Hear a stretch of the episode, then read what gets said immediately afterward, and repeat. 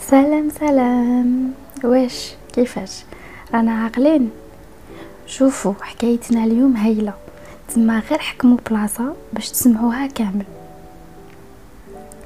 في حديقة قصر العملاق في مدينة بعيدة كان الأولاد يلعبون كعادتهم بعد خروجهم من المدرسة حيث كانت الحديقة جميلة تنبسط على مرج من العشب الأخضر. المزين بزهور بديعة من كل الأصناف والألوان. وكان المرج محاطا بأشجار مثمرة من كل الأنواع. فهذا تفاح وذاك إجاص وكرز. ففي كل فصل تعطي الأشجار ثمارا وفي كل طور تكسوها حلة مغايرة. في الربيع مثلا تزدان أوراقها وتحني أغصانها لكثرة ما تحمل من الثمار. الريانة بالعصير اللذيذ أما في الشتاء فتتحلى بكسوة ثلجية مبهجة للناظرين. وفي يوم من أيام الربيع المشرقة وبينما انتشر الأولاد يلعبون في الحديقة عاد العملاق إلى قصره بعد غياب دام سبع سنين متتالية.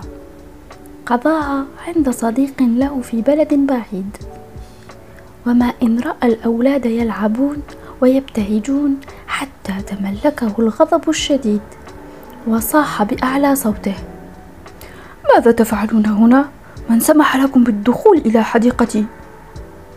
هرب الأطفال مذعورين وعاد العملاق للصراخ من جديد لا أريد أن أراكم هنا ثانية هل هذا مفهوم؟ وفي اليوم التالي أحاط الحديقة بجدار مرتفع يعجز عن تسلقه حتى الكبار. وثبت لافتة كبيرة كتب عليها يمنع دخول الغرباء. حزن الأولاد كثيرا إذ لم يعد عندهم مكان يلعبون فيه. وكم مرة تجولوا حول السور على أمل أن يغير العملاق رأيه ويسمح لهم باللعب في الحديقة من جديد. لكن العملاق لم يغير رأيه. وتوالت الأيام وانقضى فصل الربيع والصيف وبعدها الخريف. ثم حل فصل الشتاء فكسى الأشجار والمروج بثوب أبيض لامع.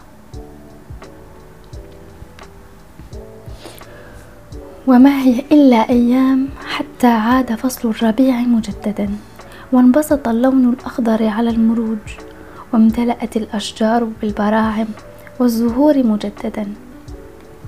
غير أن حديقة العملاق لم يحل بها فصل الربيع ولا نسماته الناعمة لأن العصافير لا تغرد إلا للأطفال.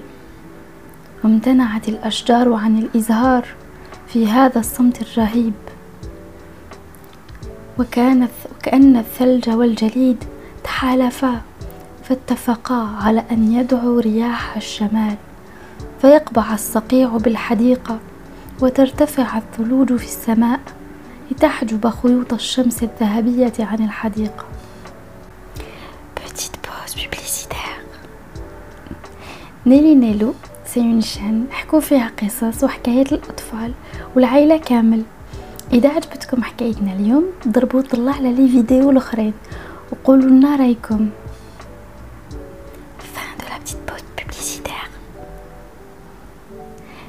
أطل العملاق ذات يوم من نافذة القصر وهو يتساءل عن سبب تأخر الربيع. فهو لم يشهد شتاء طويلا وباردا كهذا. ومرت الأيام طويلة باردة وموحشة إلى أن جاء صباح جديد مختلف. فقال العملاق في نفسه ما أجمل المعزوفة التي أسمعها؟ لابد أنها فرقة موسيقية. للقصر الملكي تحتفل بقدوم الربيع.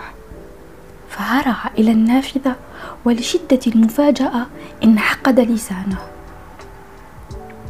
حيث أنه رأى أن عددا من الأطفال الصغار نجح في تسلق السور المرتفع عبر غصن تدلى من فوقه وأخذوا يتراكضون ويمرحون في الحديقة ويتسلقون الأشجار بينما تحوم العصافير فوقهم وتحط على أكتافهم.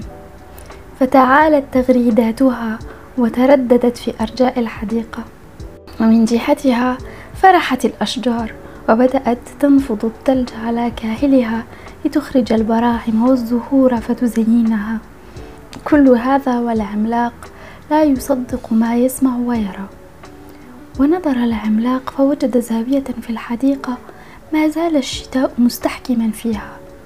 أمعن النظر فوجد طفلا يحاول تسلق شجرة كانت تحني أغصانها تمسكها يداه الصغيرتان لكنه لم يصل. قال العملاق في نفسه لقد أعمتني أنانيتي عن رؤية الحقيقة. الربيع لا يحل بالأرض التي تغلق بابها في وجه الأطفال. وقرر أن ينزل ليساعد الطفل على تسلق الشجرة حتى يحل الربيع في جميع أرجاء الحديقة. غير أنه عند خروجه للحديقة مسرعا ظن الأطفال أنه سيطردهم فهربوا واختفوا بسرعة. ناداهم العملاق ليعودوا قائلا ابقوا يا أطفال فأنتم الربيع الحقيقي.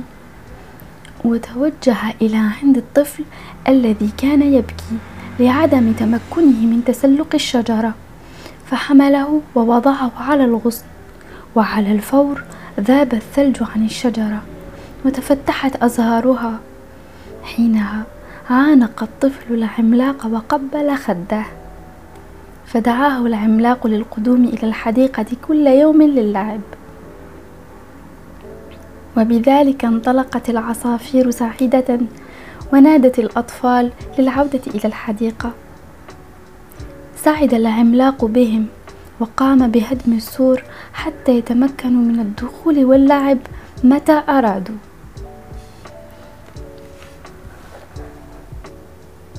وهكذا توالت الأيام الفصول والسنوات والعملاق محاط بالأطفال الذين أحبوه فلم يعد يشعر بالوحدة لكنه كان دائما يتساءل عن الطفل الصغير الذي عانقه والذي لم يعد يراه لكن لم يكن أي طفل يعرفه.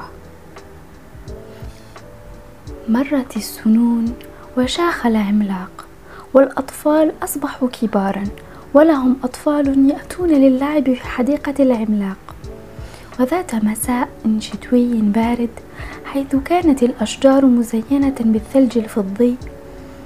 أطل العملاق من النافذة وإذا بلسانه ينعقد مرة أخرى لما تراه عيناه. شجرة مزهرة في الشتاء كانت الأزهار فضية منيرة. وكان يجلس تحت الشجرة طفل تعرف عليه العملاق بمجرد أن رآه. في لمح البصر نزل العملاق إلى عند الطفل وهو يسأله قل لي يا صغيري كيف حدث أنك ما زلت صبيا؟ وكأن الزمن قد توقف بالنسبة لك. انظر كيف اشتعل رأسي شيبا وارتسمت التجاعيد في وجهي. ابتسم الصبي وقال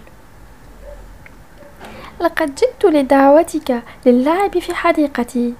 فكما دعوتني أنا وكل الأطفال للعب في حديقتك أردت أن أشكرك وأدعوك للعب معي. فأجاب العملاق يسرني قبول دعوتك. أين تقع حديقتك؟ أجابه الطفل مشيرا إلى قوس قزح في نهاية هذا الطريق. وهكذا نكون كملنا القصة تاع اليوم ولحقنا الوقت. باش نقول لكم إلى اللقاء وباي باي. ما تنساوش تقولوا لنا واش تعلمتم القصة تاع اليوم.